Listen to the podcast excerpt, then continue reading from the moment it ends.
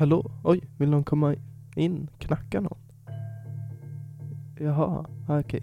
Ja men det är Marcus Lidqvist idag den 8 december. Så jag säger välkommen.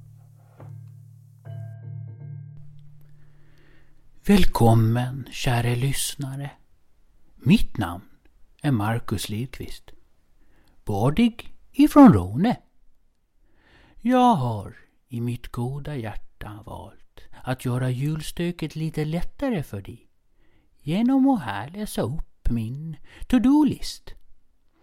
Så lyfter jag bördan från dina axlar av att du måste skriva en egen. Så fram med papper och penna och skriv ner. Här kommer den.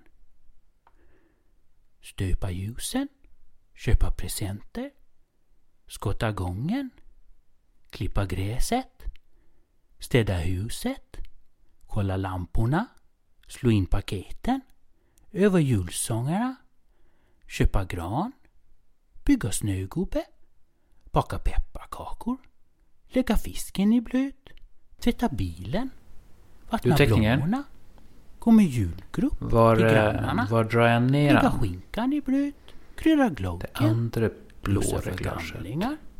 Öva julspel, Från vänster alltså? koka gröt, Ja. kolla Ja, brandvarnaren, okej. skicka julkort, koka knäck, skala clementin. Hej lyssnare.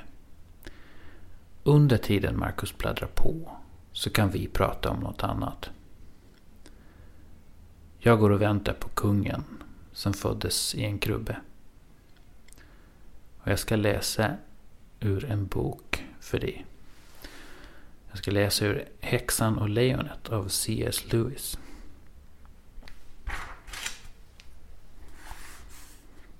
Släden susade vidare.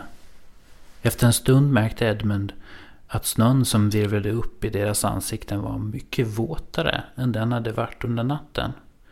Samtidigt gick det också upp för honom att han inte frös så mycket längre. Det började också bli disigt i luften. Det blev faktiskt dimmigare och varmare för var minut som gick.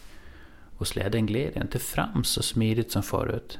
I början trodde han att det berodde på att renarna var trötta. Men så småningom förstod han att det inte kunde vara så orsaken. Släden hoppade och skuttade och skakade som om den hade törnet mot stenar. Och hur mycket dvärgen än piskade på de stackars renarna gick det långsammare och långsammare. Det hördes också ett underligt ljud. Men gnisslandet och skrapandet från medarna och dvärgens hojtanden hindrade Edmund från att höra vad det var.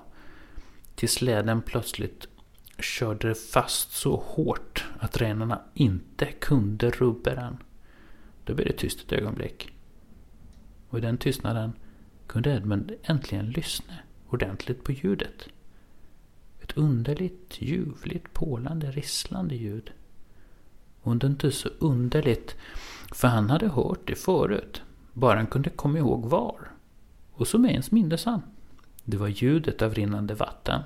Runt omkring dem viskade, mumlade, bubblade, plaskade och sålade osynliga bäckar. Och hans hjärta tog ett skutt, fast han knappast visste varför. När det gick upp för honom att det töjade. Alldeles i närheten av dem hördes dropp, dropp, droppandet från trädens grenar. Och just som han tittade på ett träd såg han en stor snöklump rasa ner och för första gången sedan han kom till Narnia såg han en talls mörkgröna barr. Men han fick inte lyssna och titta länge.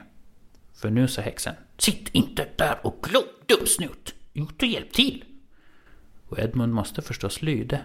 Han klättrade ner i snön, fast nu var det bara snöslask. Och började hjälpa dvärgen att baxa upp släden ur gyttjan. Där den hade fastnat. Äntligen fick de upp den. Och genom att piska på renarna allt vad han orkade lyckades dvärgen få fart på släden igen. Och de åkte vidare. Nu smälte snön så att man nästan såg det och större gles, gräsplättar lyste fram överallt.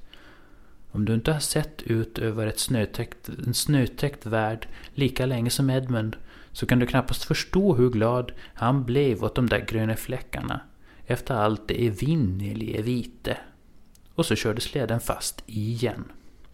Det går inte, Ers Majestät, sa dvärgen.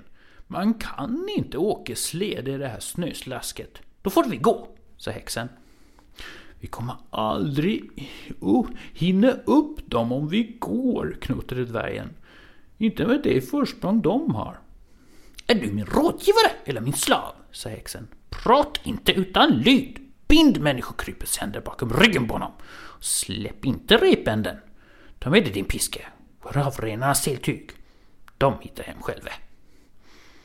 Dvärgen lydde.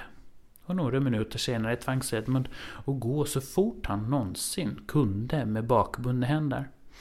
Ideligen halkade han i snösörjen och gyttjan och det våta gräset. Och var gång fick han ovett av dvärgen och ibland ett piskrapp. Häxan gick bakom dvärgen och sa hela tiden Fortare!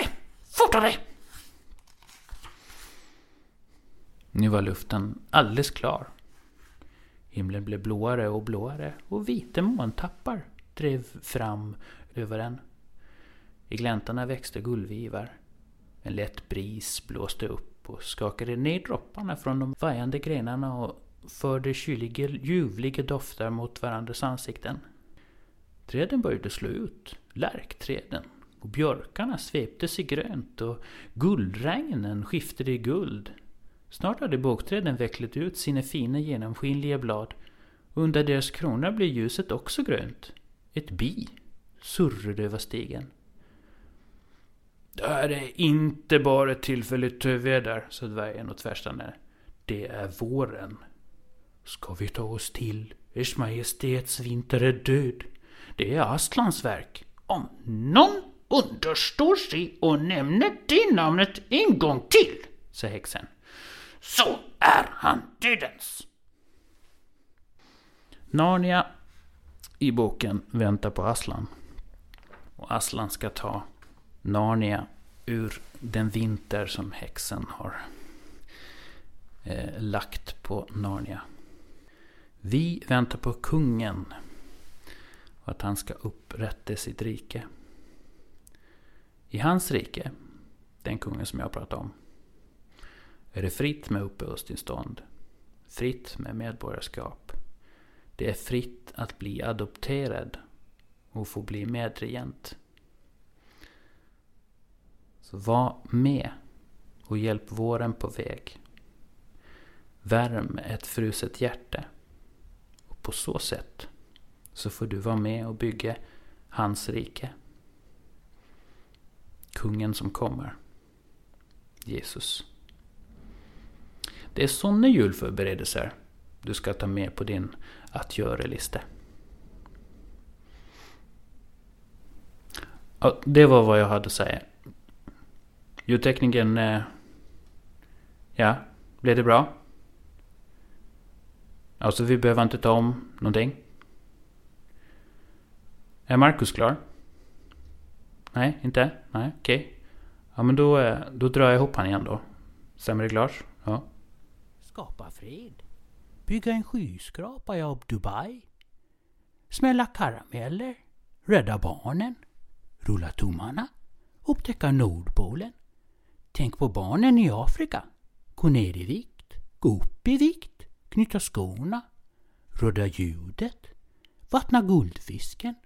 Snyta ungarna. Ta ner skylten. Lägga näsan i blöt. Bara granen. Lägga upp fötterna.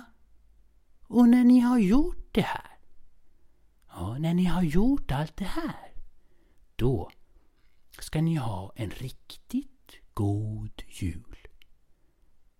Och tänk på att det här är en podcast och att tekniken tillåter att du lyssnar igen om du missade någon punkt på min eller vår gemensamma to-do-list. Hejdå! Ja, det här var dagens avsnitt. Lyssna igen, hej!